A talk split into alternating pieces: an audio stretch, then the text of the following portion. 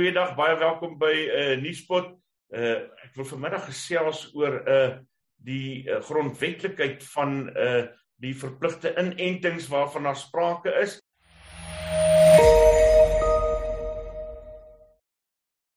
Uh by my in die Nuuspot ateljee het ek die prokureur Willie Spies, hy's van Hurter Spies. Willie, dankie dat jy met ons praat. Dankie, dankie Isak, dis 'n voorreg. Willie, um, ek het vir 'n spesifieke rede uh, uh, vir jou genader om hieroor te gesels. Ehm um, uh, want uh, want julle het nou al 'n hele paar sake uh teen die regering gewen. Uh, so ek vermoed dat jy 'n uh, uh, uh, redelike uh goeie antwoord vir ons kan gee. Is ek vir jou vra Die... Ons het 'n paar ons het 'n paar verloor ook. ja, maar ons gaan nou nie vir die mense daarvoor sê nie. Kom ons iemand het eendag vir my gesê you fake it till you make it. Ek dink dis 'n lewenslange proses. Maar ja. kom ons kyk gou na na na hierdie ehm um, uh inentings uh paspoort vereiste wat daaroor nou sprake is. Dis wêreldwyd 'n groot gesprek. Dis op die oomblik ja. in Amerika ook 'n groot ding gouverneurs wat teen Biden opstaan daaroor en hier in Suid-Afrika begin daar ook nou geleide gemaak word daaroor. Uh en en en die vraag is net doodgewoon, uh gaan dit grondwetlik wees? Kan 'n mens mense dwing om so iets te kry? Ja, eerstens ek dink die die kwessie van daar's uh, ons praat van 'n enstof paspoort uh, of 'n enstof sertifikaat, maar uh, natuurlik is daar baie Daar's baie in 'n woord en dit kan baie dinge beteken natuurlik. Die die konsep van 'n enstof paspoort as 'n reisdokument is natuurlik nie 'n nuwe konsep nie. Ek het so uh in my lewe die kere wat ek moes reis, veral as jy hier na tropiese lande in sentraal ehm um, Afrika of uh Sentraal-Amerika, Suid-Amerika moes reis, ehm um, dan dan moet jy ingeënt word vir geelkoors en vir 'n klomp tropiese siektes en jy moet 'n kaart hê wat dit wys. Nou dit is niks uh. anders as 'n enstof paspoort nie vir siektes wat uh, teen daai tyd nie so omstrede was nie, maar wat net so gevaarlik of selfs gevaarliker is natuurlik as COVID-19. Ek dink die die rede hoekom dit nou so groot polemiek is is natuurlik as gevolg van die omvang van COVID-19 in die eerste plek. 'n Mens uh, dink uh nie dikwels daarin nie, maar ek het onlangs 'n uh, bron geraadpleeg wat nou wys dat die COVID-19 pandemie nou al gereken word as uh, die 6de grootste pandemie in die moderne aangetekende geskiedenistyd uh, uit 20. Ehm um, dan is dinge soos die 1918 griep is daar natuurlik hy was groter die mm. die syfers wat daar genoem was was so tussen 18 miljoen en 100 miljoen mense wat gesterf het wêreldwyd uh die HIV uh vigspandemie natuurlik wat nog steeds met ons is maar wat eintlik sedert 1981 heers het al so 36 miljoen lewens geëis. Maar die ramings is wel die amptelike syfer vir sterftes van COVID-19 is hier by 4,8 miljoen wêreldwyd. Maar ons weet dat daar natuurlik baie lande is wat glad nie behoorlike boekhoustelsels het nie. Ons weet dat daar natuurlik hierdie wat in Engels genoem word die excess deaths is uh, wat hier in Suid-Afrika sê dat ons syfer waarskynlik omtrent 3 maal hoër is uh. as wat die amptelike syfers aantoon. Daarvolgens is die is die geraamde syfer vir COVID-19 as 'n pandemie wat sterftes wêreldwyd betref word geraam tussen 4,8 miljoen wat die amptelike syfer is en soveel as 18,5 miljoen sterftes. Uh, in Amerika weet ons byvoorbeeld dat die amptelike syfer vir sterftes van COVID-19 nou reeds groter is as wat die geval was met die 1918 griep. So ek dink ons is darm verby die punt uh waar baie mense gesê het hierdie is nie werklike pandemie nie, hierdie is nie werklike probleem nie. Ek dink daai hekkie is oorgesteek, hierdie is werklike pandemie. Dis werklike krisis en daar moet werklik oplossings gevind word vir die krisis. Nou wanneer mense in 'n krisis is, dan is daar verskillende maniere om daarop te reageer. Daar's die hysteriese en die paniekerige manier en daar's die koelkop rasionele manier van die regte ding op die regte tyd doen. Nou interessant met die aanvang van die pandemie weet ons dat 'n land so Swede wat my betref die voorbeeld gestel het van 'n koelkop reaksie op die COVID pandemie en jy kan maar nou gaan kyk na wat die syfers in Swede is. Dit was 'n land wat baie klem gelê het op ehm um, vrywilligheid. Op vrywilligheid uh van inperkingsmaatreëls, vrywilligheid van sosiale afstand, vrywilligheid van maskers en alles wat daarmee gepaard gaan. 'n Land wat baie klem gelê het op die noodsaak van ehm um, kudde-immuniteit en die voordele wat daai sou voortspruit. En vandag is dit nou interessant, die Sweedse bevolking is vandag wel groot grootliks ingeënt, maar die sterftesyfer uh, aan COVID-19 in 'n land so Swede is relatief laag vergeleke met baie ander lande. Uh, Suid-Afrika is al by verre verby Swede en uh, ons eie situasie ten spyte van ons drastiese maatreëls uh oortref uh, die van 'n land so Swede. Maar dit bring ons nou by 'n uh, enstof sertifikaat.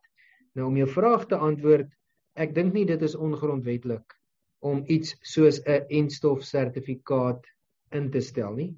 Dis 'n doodgewone praktiese noodsaaklikheid. Ja. Mense wat hulle self laat inent as ek my kinders laat inent vir al die kindersiektes waarvoor kinders ingeënt moet word, dan kry jy 'n kaartjie wat sê hulle is vir hierdie en hierdie en hierdie en hierdie goed ingeënt en daai kaartjie is ook maar 'n tipe van 'n enstof sertifikaat. So met die konsep van 'n sertifikaat op sigself is daar nie wat my betref enige iets fout nie. Die vraag is wanneer daardie sertifikaat 'n middel raak om te diskrimineer teen mense wat dit nie het nie op 'n onredelike of 'n onbillike manier. Wat is die implikasie daarvan? En ek dink dit is waaroor baie van die angs op die oomblik gaan. Op die stadium het ons nog geen dwingende maatreëls in Suid-Afrika nie. Daar's 'n paar maatskappye, 'n paar werkgewers wat so bietjie die water getoets het ten spyte van kritiek uit die geleedere van die menseregte kommissie. Ehm um, maar werkgewers wat besluit het hulle gaan die roete volg om hulle werknemers te dwing om dit te doen. Ehm um, maar behalwe vir werkgewers wat dit doen, was daar nog nie van van owerheidsweë af werklik waar dwingende maatreëls ingestel nie.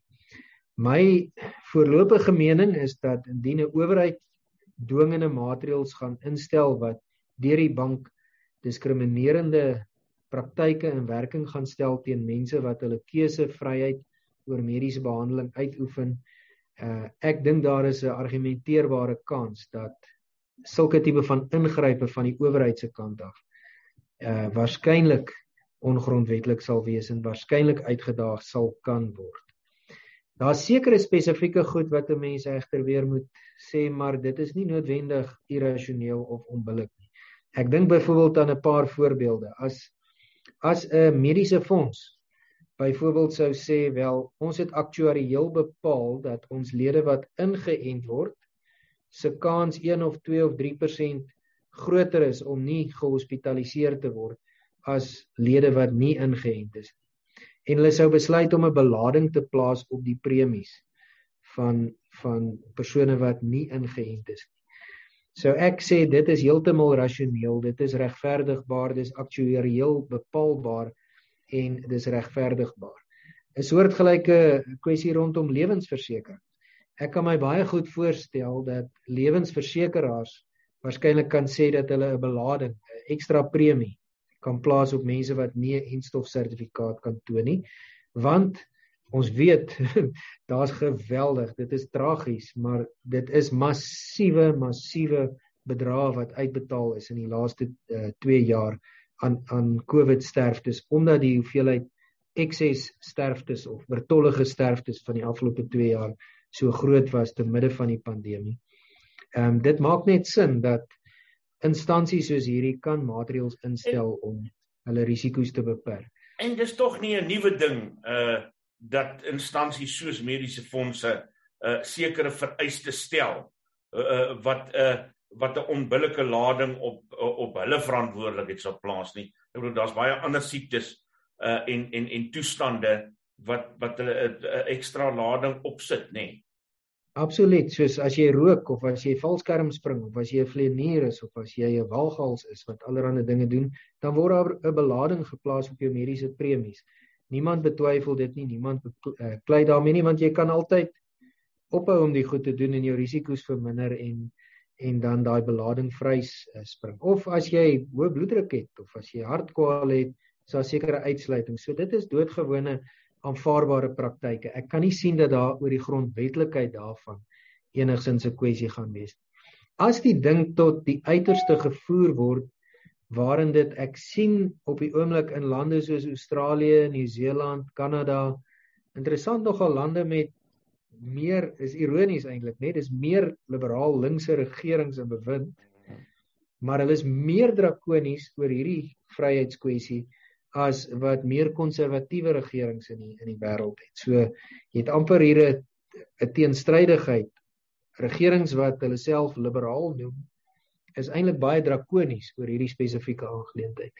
Ek is nuuskierig om te sien hoe ons howe dit sal hanteer indien soortgelyke maatreëls as wat mense in Kanada en Australië in die plekke sien hier geïmplementeer sou word waar mense se bewegingsvryheid aan bande begin lê word waar uh, jy by sekere winkels nie kan koop of verkoop nie en waar jy by sekere plekke nie kan ingaan nie. Dit sal 'n tragiese dag wees as dit hier geïmplementeer word. En ja, ek glo ons sal 'n hofaansoekie of twee bring teen sulke maatreëls. Hoorie, ek moet vir julle sê hierdie COVID-19 pandemie het my 'n uh, uh my kyk na liberaal en konservatief heeltemal gekonfokkulei. Ek weet nie meer wie staan waar nie. Dit is so. Maar nee, maar, ek dink uh, ek dink daai onderskeid is ehm um, dit gaan oor oor die staat teenoor die burger. Uh as 'n burger belangrik is, as die burgery vir jou belangrik is, is jy volgens sekere norme regs. Maar ehm um, volgens ander ander norme sou jy weer links of liberaal gewees het. As die staat vir jou belangrik is en jy dink die staat is hierdie hierdie groot moeder wat vir almal moet sorg en wat vir almal uh, moet uh, toegee dan dan is jy um, dan is jy redelik links kom ek agter. En uh, ja, daar's 'n uh, daar's daar's 'n klomp mense wat uh, tradisioneel hulle self as liberaal sou posisioneer wat ek dink maar redelik aan fasisme begin grens in die in die se tye waarin ons leef. Wil jy as ek die ding so kyk dan dan lyk dit vir my as as jy as jy wil internasionaal gaan reis, gaan jy in 'n geval nie 'n keuse hê oor oor 'n inentingspaspoort nie. Dis eintlik maar 'n gegewe. Ehm um, ja. en en en en soos ons nou gesê het, daar's sekere instellings, instansies wat wat dit kan vereis uh en en en mense kan in niks daaraan verander nie. Maar maar kom ons beweeg gou terug na na na so 'n bietjie meer ehm uh, op 'n plaaslike vlak as 'n ou nou gaan kyk na restaurante ehm uh, en sulke plekke. Sou sou hulle byvoorbeeld kon sê, luister ou maat, ek is baie jammer, Maar as jy nie vir my 'n inentingspaspoort kan wys nie, dan moet jy maar by 'n ander plek gaan eet. Kyk, dit is daai private omgewing. As 'n privaat restaurant sou besluit hy wil so 'n stap implementeer, dan kan hy dit seker doen. Ehm um, ek dink net hy gaan baie kladisie verloor. Ek dink ehm um, ek dink dit is dit, neem sake bietjie ver. Ehm um, want daar gaan verseker restaurante wees en ek weet sommer van 'n paar hier in Pretoria wat uh wat baie uitgesproke sal wees om te sê ons ons diskrimineer nie teen mense oor keuses wat hulle oor hulle gesondheid uitoefen nie. Almal is welkom hierso. So sekere restaurante mag dit miskien doen, maar ek ek dink dit sal nie dit sou nie 'n slim besigheids ehm um, ekonomiese besluit wees om dit so te stel nie, want dis ja. diskrimineer en, en niemand wil diskrimineer teen sy potensiële kliënte nie. Die ander ding en dis 'n gewone praktiese as as die enstof dan ehm um, as die enstof maak dat jy nie meer mense kan aansteek dan is ek dan kan ek aanvaar dat daar rasionaliteit in so 'n benadering is. Maar alle aanduidings, alles wat ek gelees het tot dusver, uh, en ek sê dit nie as iemand wat gekant is teen enstof nie. Ek ja, is ja, ja. Uh, ek is eintlik ten gunste van die enstof. Mens moet mens versigtig wees die eerste. ek is nie anti-vaxxer soos hulle sê nie.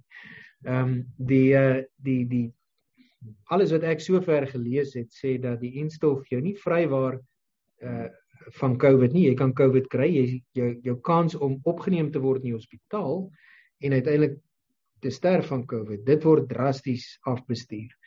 Uh maar jy kan nog steeds COVID optel en jy kan nog steeds COVID oordra. Met ander woorde, 'n persoon wat ingeënt is, kan nog steeds 'n ander persoon aansteek en 'n ander persoon kan nog steeds doodgaan daarvan. So die feit dat jy ingeënt is, maak jy nie minder aansteeklik om dit so te stel as jy geïnfekteer is met die ja. virus. Ja. En dit het ons in die afgelope tyd gesien. Ek het hier mense personeel in my eie kantoor wat binne 3-4 dae nadat hulle ingeënt is, ehm um, siek geword het en en maar maar goed siek geraak het. Ehm um, so dit is dis 'n realiteit waarmee ons tog op die oomblik ehm um, te kamp het. Daar is 'n bietjie onsekerheid oor die mate van van voordeel wat die enstof het. Dat hy dat hy mortaliteit beperk is 'n gegewe, dat hy hospitalisasie beperk dis 'n gegewe. En daar maak dit sin dat dit aangemoedig word. Dit dit maak sin dat dit op groot skaal deur die staat beskikbaar gestel word. Uh. Maar ek dink die staat se rol is om beskikbaar te stel. Die staat se rol is om dit moontlik te maak uh om om ingeënt te word. Maar as die staat by die punt kom dat hy sê nou gaan ek nie net beskikbaar stel nie, maar ek gaan ook 'n swaard oor jou kop hou en sê as jy dit nie doen nie, gaan ek jou straf, dan gaan die staat te ver en dan moet dan moet hulle vlerke geknip word. Die uh, argument onder sommige mense wat teen gunste is daarvan dat dat dat, dat daar dwingende maatreëls hieroor moet wees. Ehm um, uh, het dit veral as as 'n uh, uh, motivering vir hulle argument uh gee sê hulle ja, maar dis omdat hierdie virus uh soveel meer mense doodmaak ehm um, en soveel makliker doodmaak. Ehm um, is dit is dit 'n 'n geldige argument om om dwingende maatreëls in te stel? Dink dit is weer eens, dit is 'n geldige argument om inentings aan te moedig. Hmm. En ek het geen ek het geen probleem met veldtogte wat daarop gemik is om mense aan te moedig om hulle te laat inent. Ja. Ehm um, ek is deel van 'n familie wat swaar getref is deur COVID. Ehm um, en uh, ek is uh, daar's ek het familielede wat mediese werkers is wat wat uh, die realiteit van COVID baie intens beleef het in intensiewe sorgeenhede in noodgevalle eenhede by hospitale en alles wat daarmee gepaard gaan en wat uitgesproke ten gunste van die van die toediening van enstof is. So die veldtogte, die aanmoedig van mense, dit is een ding.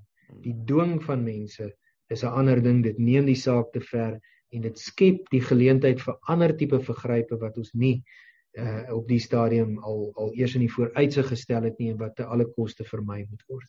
Ek wil gou na die werkplek toe gaan uh Willie want daar's twee interessante uh vlakke hieroor.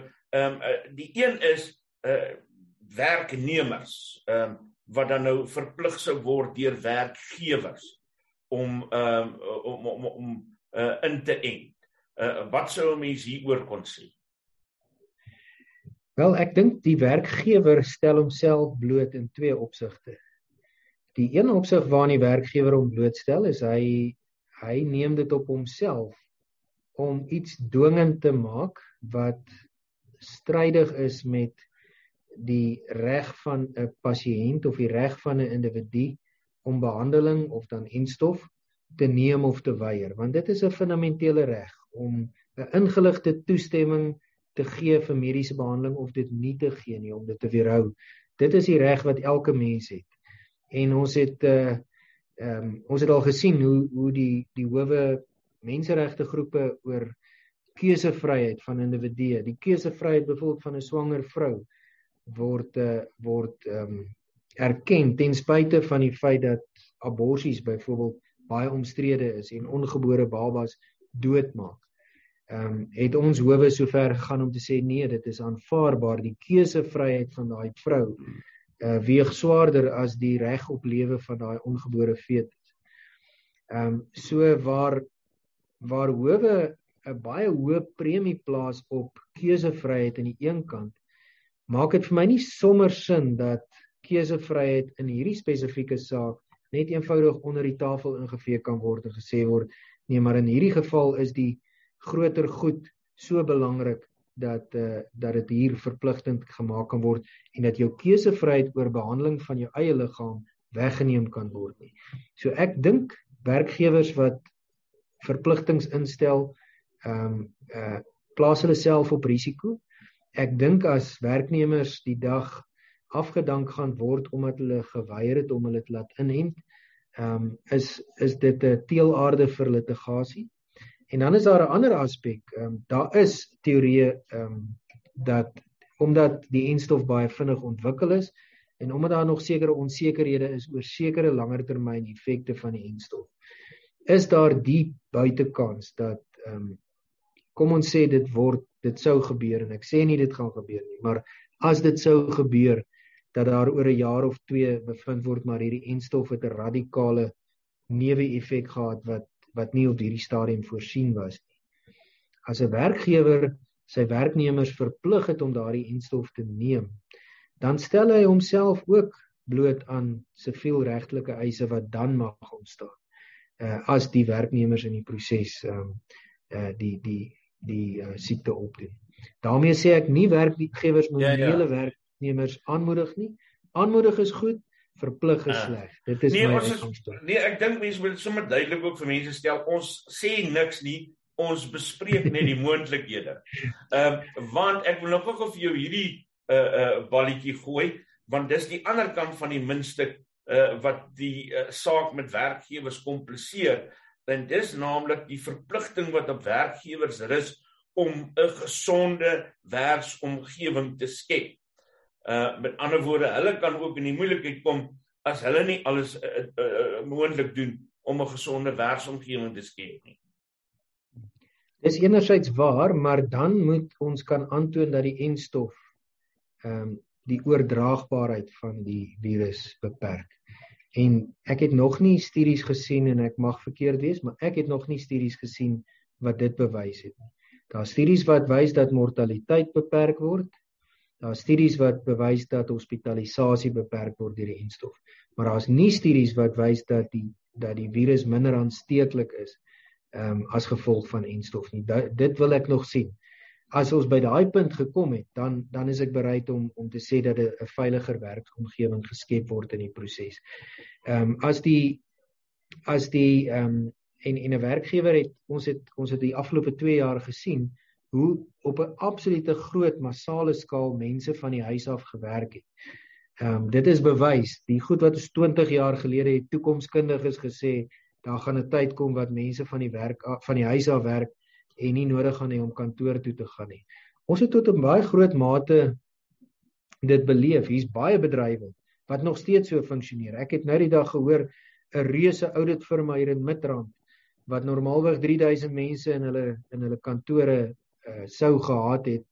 Hulle kantore word op die oomblik deur 35 mense beset.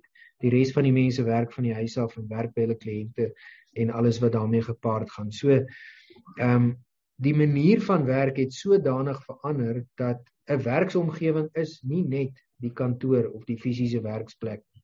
Ek praat nou nie van myne en fabrieke waar mense ja. fisies teenwoordig moet wees nie. Maar 'n tipiese kantoorwerker wat voor 'n rekenaarskerm sit en werk, kan dit van enige plek af doen, soos wat ek en jy nou van enige plek af met mekaar gesê. Ja, mens kan 'n nuusprogram maak uh sonder om in 'n ateljee te wees. Nou ek ja, sit dan, ek sit nou nogal en kyk baie keer na na die nuuskanale en dan is dit nou vir my interessant om te sien dat hulle ook nou maar deesdae moet doen met um, minderwaardige uh internetverbindings en uh, hulle beelde wat nie altyd mooi 100% is nie want dis hoe ons operate deesdae. Dis die nuwe manier, ja, en ek dink ek dink wat gaan gebeur in die jare wat kom, die breëband gaan nog breër raak en die uh en die kommunikasiekanale gaan baie gemaak word. Ek vermoed oor 5 jaar van nou af sal die beelde baie beter lyk. Dan lyk ek en jy dalk bietjie mooier op die skerm. Ja. ek dink dit dit gaan dalk moontlik wees vir jou, vir my is dit verby. ek sê ek het, ek sê mos altyd be toe ons boere verneekers gemaak het, ek sien televisie se mooiste nie, maar ek darm die maklikste. Geen nie baie moeilikheid nie. Willie baie baie dankie vir jou tyd wat jy gemaak het en dat ons hier oor kon gepraat het. Isak is 'n voorreg en ek sien uit om te gesels oor daai eerste hof aansoek wat ons oor hierdie kwessie bring want ek glo daar sal kom. Ah, daar sê dankie Willie Spies van Hutter Spies Prokureurs, dankie. Goed gaan. Nuuspot. Onbevange, onbegrens, onbevooroordeeld.